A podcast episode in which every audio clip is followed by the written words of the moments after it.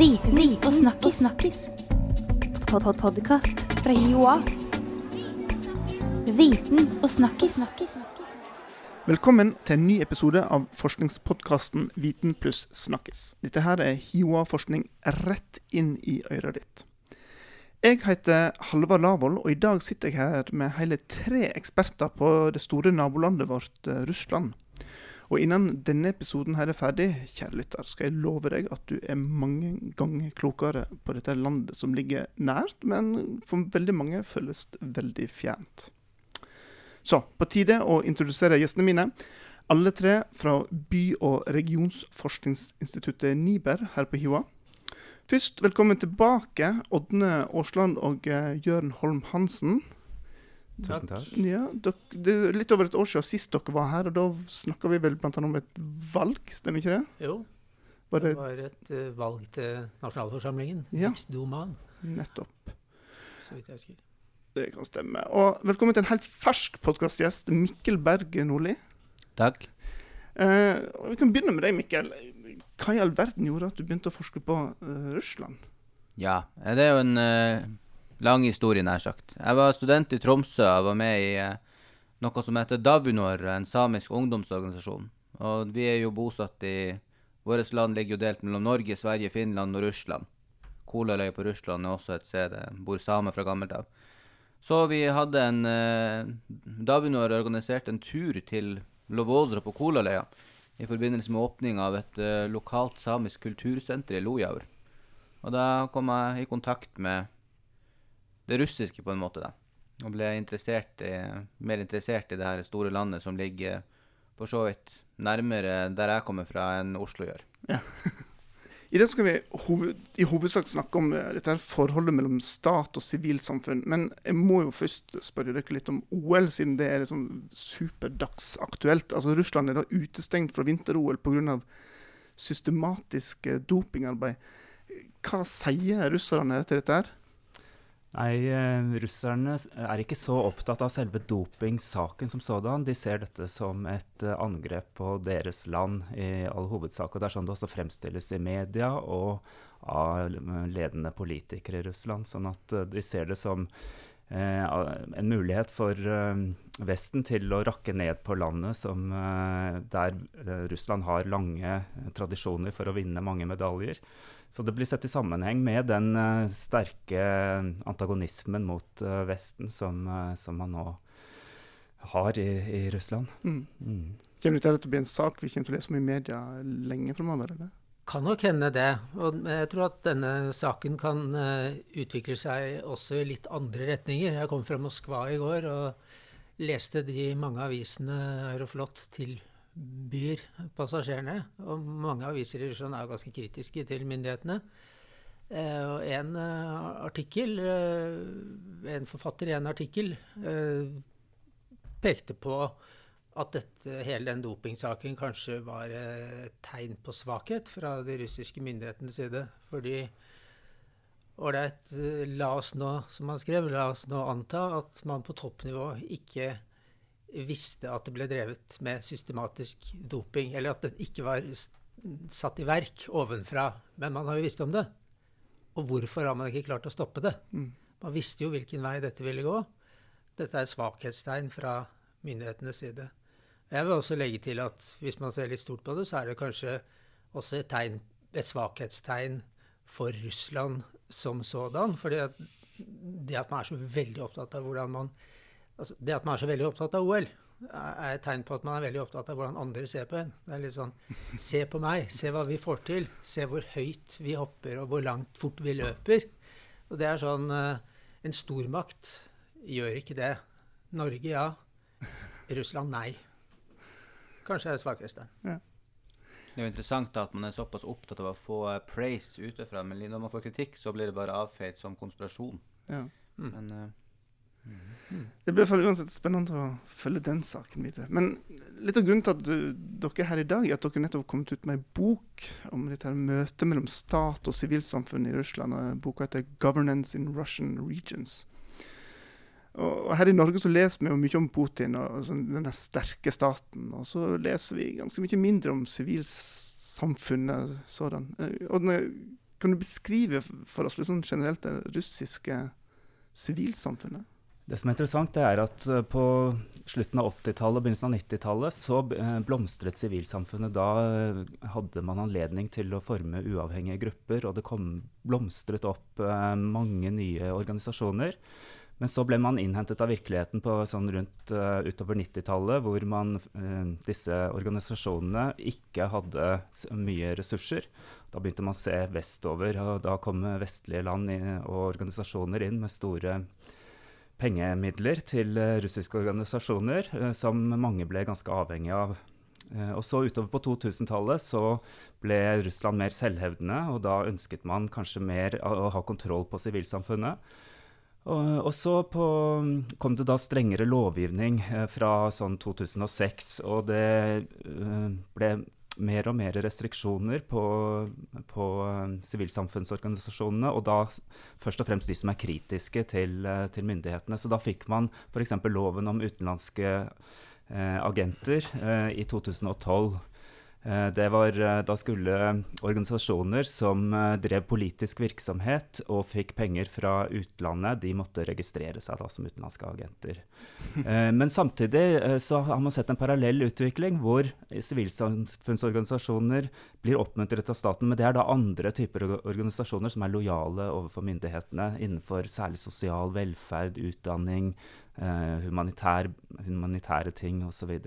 Og disse har betydelig innflytelse og trekkes inn i eh, politikkutvikling og får drive og, og, det har også kommet mye mer pengefinansieringsordninger eh, til disse organisasjonene. Mm. Mm. For, for, I Norge så er vi jo veldig vant med organisasjonslivet. Altså for det minste og det største, og, og internasjonale organisasjoner. Har, har, dere eksempel på, konkrete eksempel på sånne organisasjoner som jobber aktivt i, i Russland? Ja, det finnes jo mange um, eksempler på det. Uh, man har bl.a. Et urfolksorganisasjonsliv som har eksistert siden før Sovjetunionen falt. ble etablert med både lokale og regionnivåorganisasjoner, og også en landsomfattende paraplyorganisasjon. Uh, før unionen falt, og som har fortsatt uh, i forskjellige former helt fram til i dag. Mm. Det er jo ett eksempel på det, men det er jo mange eksempler å ta av. i og for seg. Innenfor uh, sosial- uh, og helsesektoren så er det jo kommet lovgivning nå i de senere årene som tar sikte på å fremme framveksten av flere sånne sivilsamfunnsorganisasjoner, frivillige grupperinger osv. Eh, det er lovbestemt eh, kriterier for å kunne være en sånn organisasjon. Sosialt orientert, ikke-kommersiell eh, organisasjon, som det heter. Og det er spesifisert hvilke oppgaver de kan ta seg av. og dette I tillegg så kommer det da, som Ådne nevnte, finansieringsordninger. Det blir flere av dem. De vokser, og de, de, de, de får mer penger. Og I tillegg så ser vi at uh, mange av disse frivillige organisasjonene og NGO-ene nå i økende grad får penger fra bedrifter. Private bedrifter har en gammel sånn sovjetisk tradisjon for å støtte positive ting i det nærmiljøet hvor bedriften ligger. Og i tillegg så er det kommet inn en del sånn uh, corporate social responsibility, som det heter internasjonalt. Mm. Og moderne teknologi gjør det også enklere for enkeltpersoner å bidra. og Det har vært en ganske klar vekst nå gjennom forskjellige sånne smarte betalingsordning hvor du fra telefonen kan betale 500 rubler til en uh, sympatisk organisasjon du støtter på. Mm. Men penger fortsetter å være hovedutfordringen for de russiske organisasjonene. De er i stor grad basert på frivillighet, så det er bare få, eller et fåtall organisasjoner som har mange ansatte. Man har kanskje én eller to. Uh, og så baserer man seg på at folk uh, opptrer frivillig. da. Mm. For, det, for, det, ja. for det, det, vi har gjort, er jo at uh, mye har vært skrevet, uh, og med rette, om hvordan myndighetene disiplinerer og dels undertrykker sivilsamfunnet i Russland. Men det vi gjorde var i, i, forskningen vår og i denne boka som nå kom, uh, er jo å ta et annet utgangspunkt. Ålreit, dette vet vi. Sivilsamfunnet blomstrer ikke helt fritt. Men allikevel så er det jo et sivilsamfunn i Russland. Uh, og det er masse samkvem mellom myndighetene og sivilsamfunnet. Og når vi gikk ut og undersøkte det, så fant vi nok kanskje mer, enda mer enn vi hadde antatt. Mm. Eh, og så har vi sett på hva dette samkvemmet egentlig består i. Og det vi vel har kunnet konkludere med, er at uh, myndighetene har et ønske om å styre ovenfra og ned, men de får det ikke helt til. De, får, de, når ikke helt ut til F.eks. når de vil uh, rekruttere fosterforeldre uh, til barn som ellers måtte bo i barnehjem. Det er mye dyrere å ha barn i barnehjem. Og det er mer humant selvfølgelig å ha dem andre steder. Eller ut til hiv-positive eh, grupperinger som ikke er så lette for myndighetene å, å komme i kontakt med. Så er sånne frivillige organisasjoner mer effektive. Mm.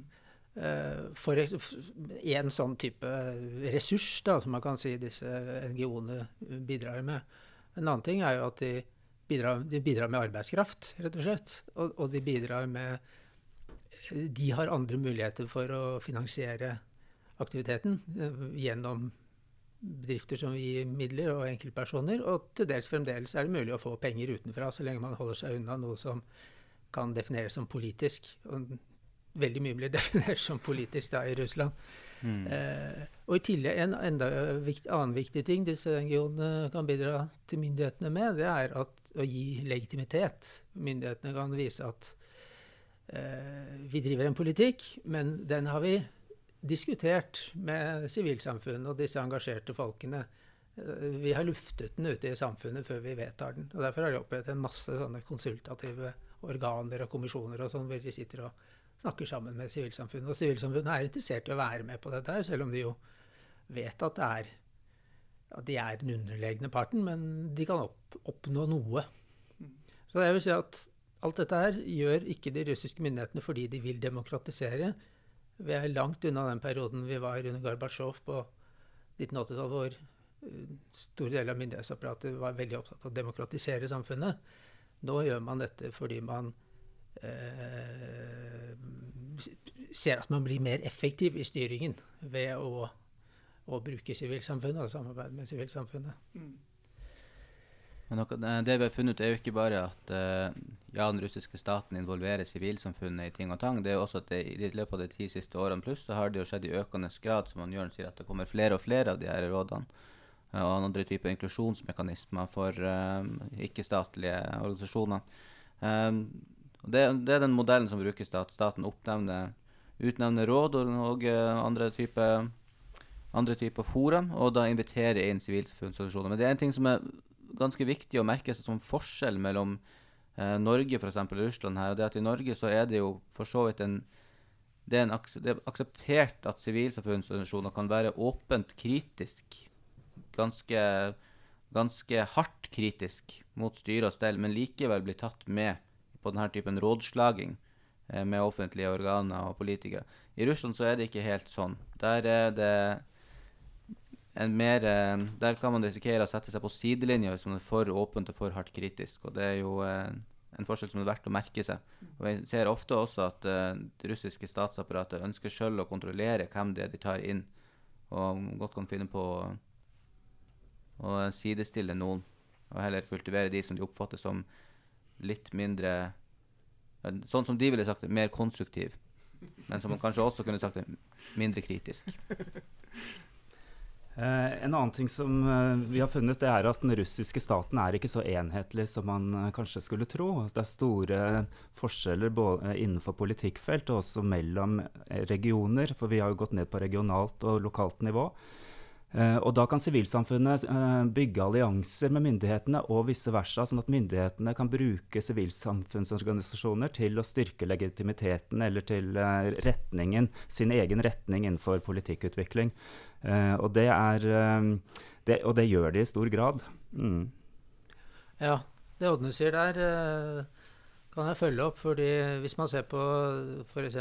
arbeidet med barns rettigheter og barns velferd, som er en av de tingene vi har sett på i, i forskningen vår her, så, så, har vi sett veldig tydelig at de grupperingene som myndighetene kan ha en viss skepsis til, det er de som slåss for barns rettigheter, og, og ikke primært familienes rettigheter, som liksom er det konservative standpunktet som er litt rådende i, i, Russland for tiden.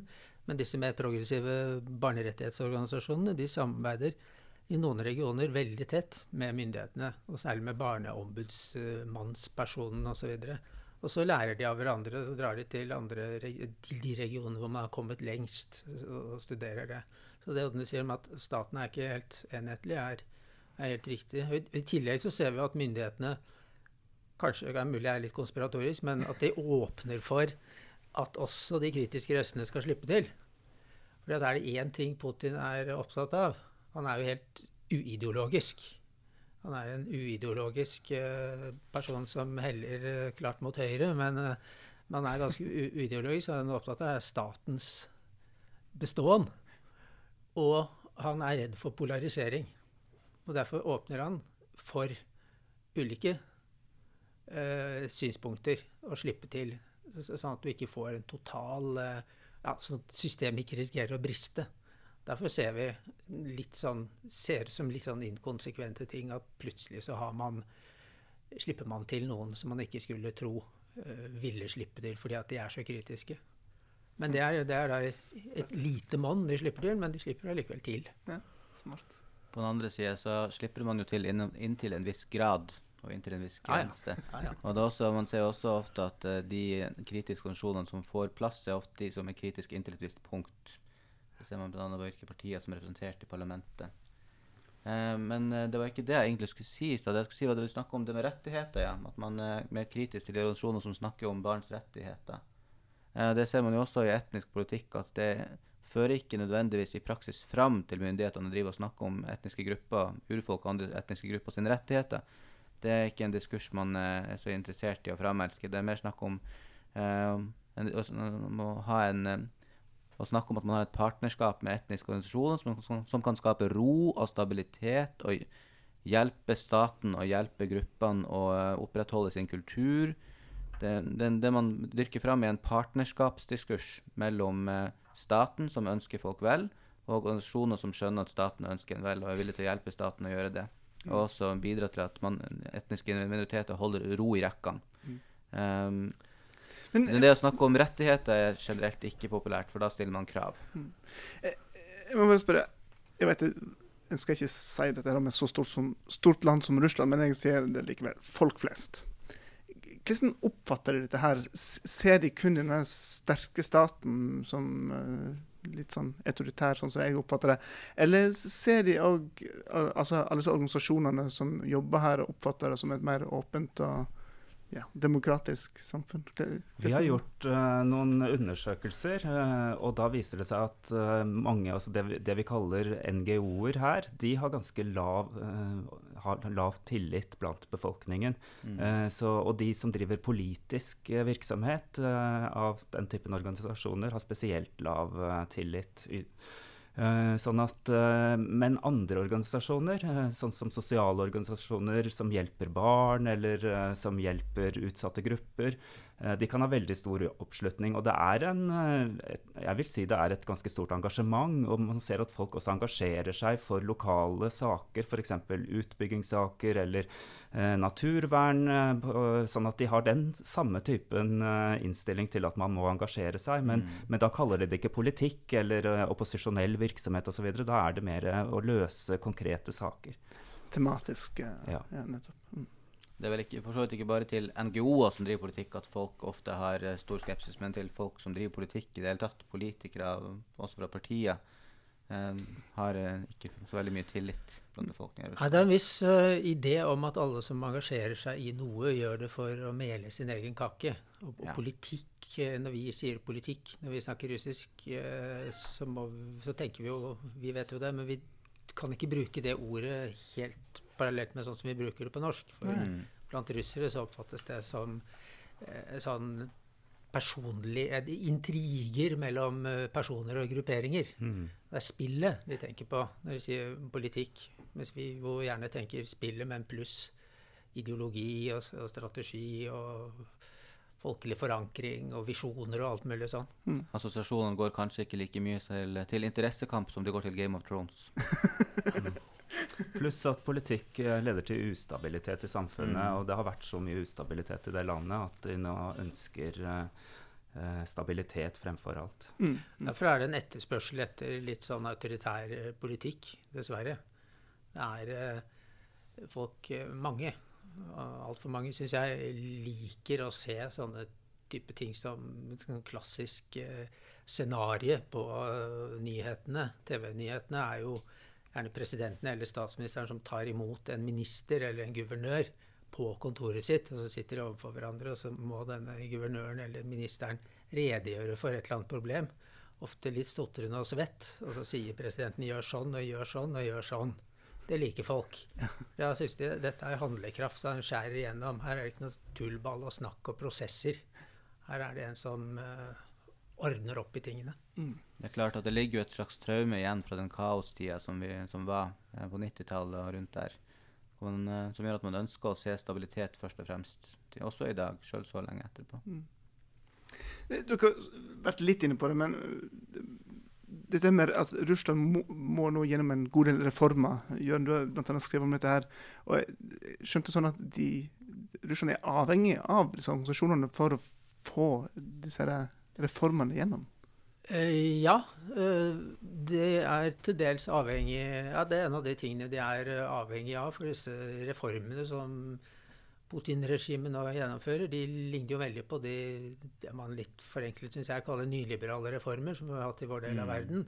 Skolepolitikken er jo også, har også noen eksempler på det her med de reformene som har vært nylig i skolesektoren, hvor skoler får uh, mer autonomi, men også da får mer eget budsjettansvar og må styre seg sjøl mer økonomisk, og da også får mulighet til å tilby kurs eh, for betaling til elever. Det er jo en, kan man kalle kanskje en gradvis privatisering. Og så ser du også det ganske mye i det russiske statsapparatet på provinsnivå at, man, at staten etablerer den type institusjoner som er delvis selvstyrt, har et eget budsjett, men er eid av det statlige, og som da driver politikk som en profesjonalisert institusjon med med sin egen uh, budsjettpågang. Da. Mm. For det, det, er veldig utbredt. For det myndighetene er opptatt av uh, der som her, det er jo for det første å ta høyde for at veldig mange politiske utfordringer er mer komplekse enn man trodde før. Det er ikke bare én årsak til at man har fattigdom, eller én årsak til at, har, at barn er i, i barnehjem, eller at folk blir narkomane. Det er sammensatt, og løsningene må også være sammensatt. Det er det ene. Da trenger man eh, ulike innspill fra ulikt mm. hold. F.eks. disse NGO-ene og fagmiljøer og sånn. Så man kan ikke være helt autoritær. Uh, men en annen utfordring er jo at uh, de offentlige budsjettene kan ikke øke helt ubegrensa. De må jo holdes under kontroll. Og det da å sette, legge mer ansvar ut til enkeltpersoner, at de må betale litt mer, de f.eks. må organisere sitt eget sameie, ikke satse på at kommunen skal gjøre det. Uh, det, det, altså desentralisere ting, både ut til NGO-er, til, kommuner og, også, og, og, enkeltpersoner, det er en del av denne her eh, reformen. Som gjør at man kan ikke, man kan ikke forby sivilsamfunnet, liksom, hvis man hadde tenkt det. Tvert imot. Eh, jeg har sett på, jeg har sett på rehabilitering av narkotikabrukere. Eh, og der er det veldig dårlig tilbud i Russland. Men man skjønner at noe må gjøres. Og da har man gitt økte oppgaver til private rehabiliteringssentre. Det er én ting. Men så satser man også på de frivillige organisasjonene. Og da har pga. den konservative eh, utviklingen i Russland, så har Kirken fått en veldig stor rolle. sånn at Den russisk-ortodokse kirke setter nå opp mange den typen eh, rehabiliteringssentre. Og der er jo ideologien eh, at man eh, tar folk bort fra muligheten til å bruke narkotika. Det er forbud mot metadon. Uh, og, og, man satser mer på isolering da, enn uh, en, uh, det vi kaller rehabilitering her. Mm. Det har vi sett innenfor barns rettigheter og barns velferd også. at vi tenker oss gjerne at NGO-er det er progressive folk som slåss for barns rettigheter osv. Og, så videre, og vil ha noe nytt. De, det har vært en voldsom vekst i NGO-er som slåss mot at barn skal ha rettigheter, og mot at det skal være en sånn egen, egen eget, uh, behandling i rettsvesenet av ungdomskriminelle osv. Og de får også, i likhet med det Odne nevner her, innen uh, hiv-aids, de får også masse penger til å f.eks. opprette sånne uh, fosterfamilier langt ute på landsbygda hvor eh, mor og far er ultrareligiøse, og de har 15 fosterbarn som går rundt i tjukke strømper og, og, og, og fletter og gammeldagse klær, eh, og, og, blir opplært i, i, den rette tro. Så dette er også en side av sivilsamfunnet. At sivilsamfunnet er jo ikke alltid progressivt. Ja, det er to ting jeg vil si. Det første er det jeg vil si om, som ble nevnt i stad, om uh, det at man innser at staten trenger input fra sivilsamfunnet. Eh, ei som heter Marte Hando Myhre, som ikke er i dag, og meg, vi har jo forska på mm, sånn generelle russiske medier sin debatt om akkurat dette temaet. Og det, jeg vil bare understreke at det er, en, eh, det er altså en utbredt oppfatning om at staten må ta med eh, må ta med sivilsamfunnet og private initiativ på råd, rådslaging og også delvis gjennomføring av politikken sin. Det, det, det, for en del vestlige lyttere kanskje det er litt rart å høre med det bildet man har av Russland som et gjennomautoritært samfunn, men det, det er det stor forståelse og aksept for at man må ha, inntil en viss grad, med sivilsamfunnet som partnere til staten, som det da ofte heter. Og Så ble det også nevnt det her, det konservative sivilsamfunnet og dets rolle i moderne russisk politikk og forvaltning. Det syns jeg er veldig interessant. For det er jo én organisasjon som går igjen overalt, på tvers av alle samfunnsspørsmål som en ikke-statlig eh, partner av staten, og det er kirka. Den russisk-ortodokse kirka. Den, tar, den, tar, den, hiver seg med på alt og blir veldig verdsatt av regimet som en stabiliserende faktor og en aktør som er villig til å gjøre noe, og også har ikke minst sitt eget budsjett, som ikke er så altfor lite heller. Mm, den ser man overalt. Blant annet de her, eh, det du snakker om å ta vare på barn i risikosonen. De har jo egne barnehjem hvor, de, hvor man eh, da i praksis utdanner neste generasjons ortodokse aktivister. Men de vil ikke innrømme at barna er i risikosonen. Det har jeg støtt på. Da skriver de når de må for å få noen penger utenfra, så sier de familier i risiko i gåseøyne. Fordi man er ikke i risiko, for dette holder uh, Vår Herre orden på. Det er ikke risiko. Ja. Nei, jeg har uh, støtt Jeg har gjort det Unnskyld. Nei da, det kommer bra.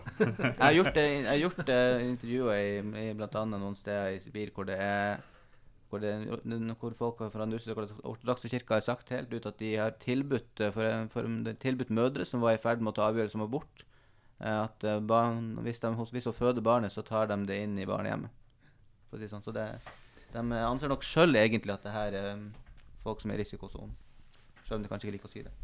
Uh, et poeng som jeg syns vi må ta med, det er også betydningen av uformalitet i det russiske samfunnet. Fordi mm. at uh, disse nettverkene som vi har snakket om, de uh, er for, formelt satt ned, men det opp, er også veldig mye uformalitet mm. og ting som blir gjort eh, på bakrommet. Eh, organisasjonene kan ringe til politikere, politikere kan ordne ting med disse organisasjonene. Så det å komme innenfor sånne nettverk det gjør at du også har ressurser som gjør at du får løst ting for organisasjonen. Så det er ikke egentlig alltid at du blir med i disse nettverkene for å hjelpe myndighetene med å uh, løse politiske spørsmål, men rett og slett fordi at du ønsker å få ting løst raskt og mm. ha en person der som du kan ringe til og som kan hjelpe deg. Og det er, man helt avhengig av fortsatt i det russiske samfunnet. Selv om um, offentlige myndigheter fungerer um, tilsynelatende greit, så er det veldig mye som også ikke fungerer fortsatt, og da er det helt nødvendig å ha personlig nettverk. Det er veldig, en, ja, en anekdote på der. det er et, et, intervju jeg gjorde en gang eh, et sted i Russland kan man si, i forbindelse med forskning på eh, offentlig oppnevnte råd for innvandrergrupper. En type integreringsråd eller hva man skal kalle det, som det er mye av i Russland. Det var det en som eh, representerte en etnisk minoritet i byen. og Vi spurte han om før han ble inkludert i rådet, etter han ble inkludert i rådet, hva er forskjellen på det? Og det var veldig klart. Hvis jeg hadde et problem, hvis min gruppe hadde et problem før i tida, skulle da bare gå bort til en politiker på gata og begynne å snakke med han? Nei, det går jo ikke. Nå nå kan jeg ta en telefon. Nå møter jeg denne personen en gang i måneden. Han vet hva han er. Jeg kan ta en telefon. Nå kan problemet løses. Eh, Ådne, Jørn og Mikkel, dette har vært eh, veldig interessant. Jeg kjenner på meg at jeg er blitt enda litt mer klokere på dette eh, russiske samfunnet. Eh, helt til slutt. Eh, hvis en nordmann nå kjenner at en har lyst til å bli enda bedre kjent med, med Russland, kanskje ta en uke ferie der. Hvor vil dere anbefale en å reise? Ta runden rundt bordet her. Det ordinære svaret å gi på det spørsmålet er St. Petersburg, fordi det er en veldig fin by som ligger nært Norden, som mange vil få noe ut av uh, med en gang når de drar dit. Men siden det er et veldig vanlig svar å gi, så vil jeg heller fremheve Murmansk som en, uh, en eh, by man burde se en gang i livet. Det er en eh, mer og mer trivelig by, syns jeg. Um, ja, og for så vidt også nært Norden. Petrozovodsk, en by som er veldig ukjent for de fleste nordmenn. Det ligger i Karelia mot finskegrensa, men eh, også absolutt verdt en visitt. Jørn, din anbefaling? Uh, jeg har også sansen for Murmansk, men det tok meg 25 år å få det. Så m- Murmansk har kanskje blitt enda mer severdig i løpet av de ti siste årene. Om ja da. Si. Ja da. Det, det, men ja. Men, uh, Ikke reis dit i juni og få masse snø, i hvert fall. Nei, hvis, hvis man vil ha en uh, sjokkopplevelse, så bør man dra rett dit, og helst via Kirkenes, og så ta en av de transportmulighetene som går over, uh, over der. Og så kanskje ta toget ned til Petrozavodsk. Ja. Jeg er enig i at det er en veldig fin by. Og dermed, der, derfra videre kanskje til Moskva eller St. Petersburg. Jeg vil kanskje anbefale å dra til Moskva. Det er en frenetisk uh, by. Frenetisk. Et enormt tempo, et mas uten sidestykke, vanvittig trafikk. eh, Masse som skjer. eh, Masse god mat å spise, masse fine museer, masse liv. Eh, og så ta nattoget. Det må man gjøre minst én gang i livet i Russland. Enten til Arkhangelsk, som ligger Ja. i nord. En veldig hyggelig og veldig gammel by. Russlands første havn. eh, som, som Peter den store mm, etablerte i sin tid. Fin trehusbebyggelse. Eh, og veldig hyggelig stemning. Eller hvis man vil oppleve noe interessant, ta toget til Kazan, er i Tatarstan. Det er en litt lang natt. Eh, det er en egen republikk i Russland, delrepublikk, som er ikke tyrkisktalende, men man snakker et språk tatarene snakker et språk som er slekt med tyrkisk. Eh, og der har man moskeer og kirker og sånn om hverandre. Og det pussige er at man kommer dit, dette området som er Vi har alle sammen tre vært der, faktisk. Jeg hadde en veldig hyggelig, noen par veldig hyggelige dager der. Så i hvert fall jeg fikk følelse av å komme tilbake til Vest-Europa. Til Tyskland eller noe sånt. Fordi at, på grunn av dette, at det var så mye så mange muslimer og så mange kebabsjapper og folk som satt rundt og drakk te osv. Denne liksom multikulturelle preget gjorde at jeg følte meg veldig hjemme der. Og så er det en velordnet og, fin by hvor eh, metroen annonserer på tre språk. Tatarisk, russisk og engelsk f.eks. Så absolutt anbefalt. Oddne, hvor tar tar oss du det er med? mange som har en drøm om å ta den transsibirske jernbane. Jeg har tatt uh, deler av turen to ganger. og det, Jeg syns også en inngang til Russland, som Jørn nevnte, det er å ta toget nesten litt uansett hvor man drar. fordi at Mm. der har russere tid til å sette seg ned. Nå snakker de også en del, særlig yngre folk, eh, engelsk, sånn at man kan eh, kommunisere. Selv om man ikke kan kommunisere, så deler man på maten. Man viser gjennom kroppsspråk at man er et veldig vennlig folk.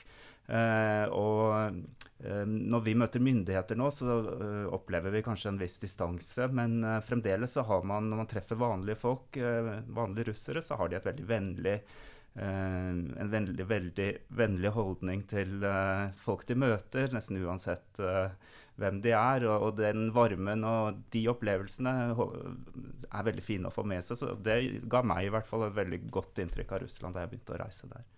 Så bra. Oddne Aasland, Jørn Holm Hansen og Mikkel Berg Nordli, tusen takk for at dere ville komme.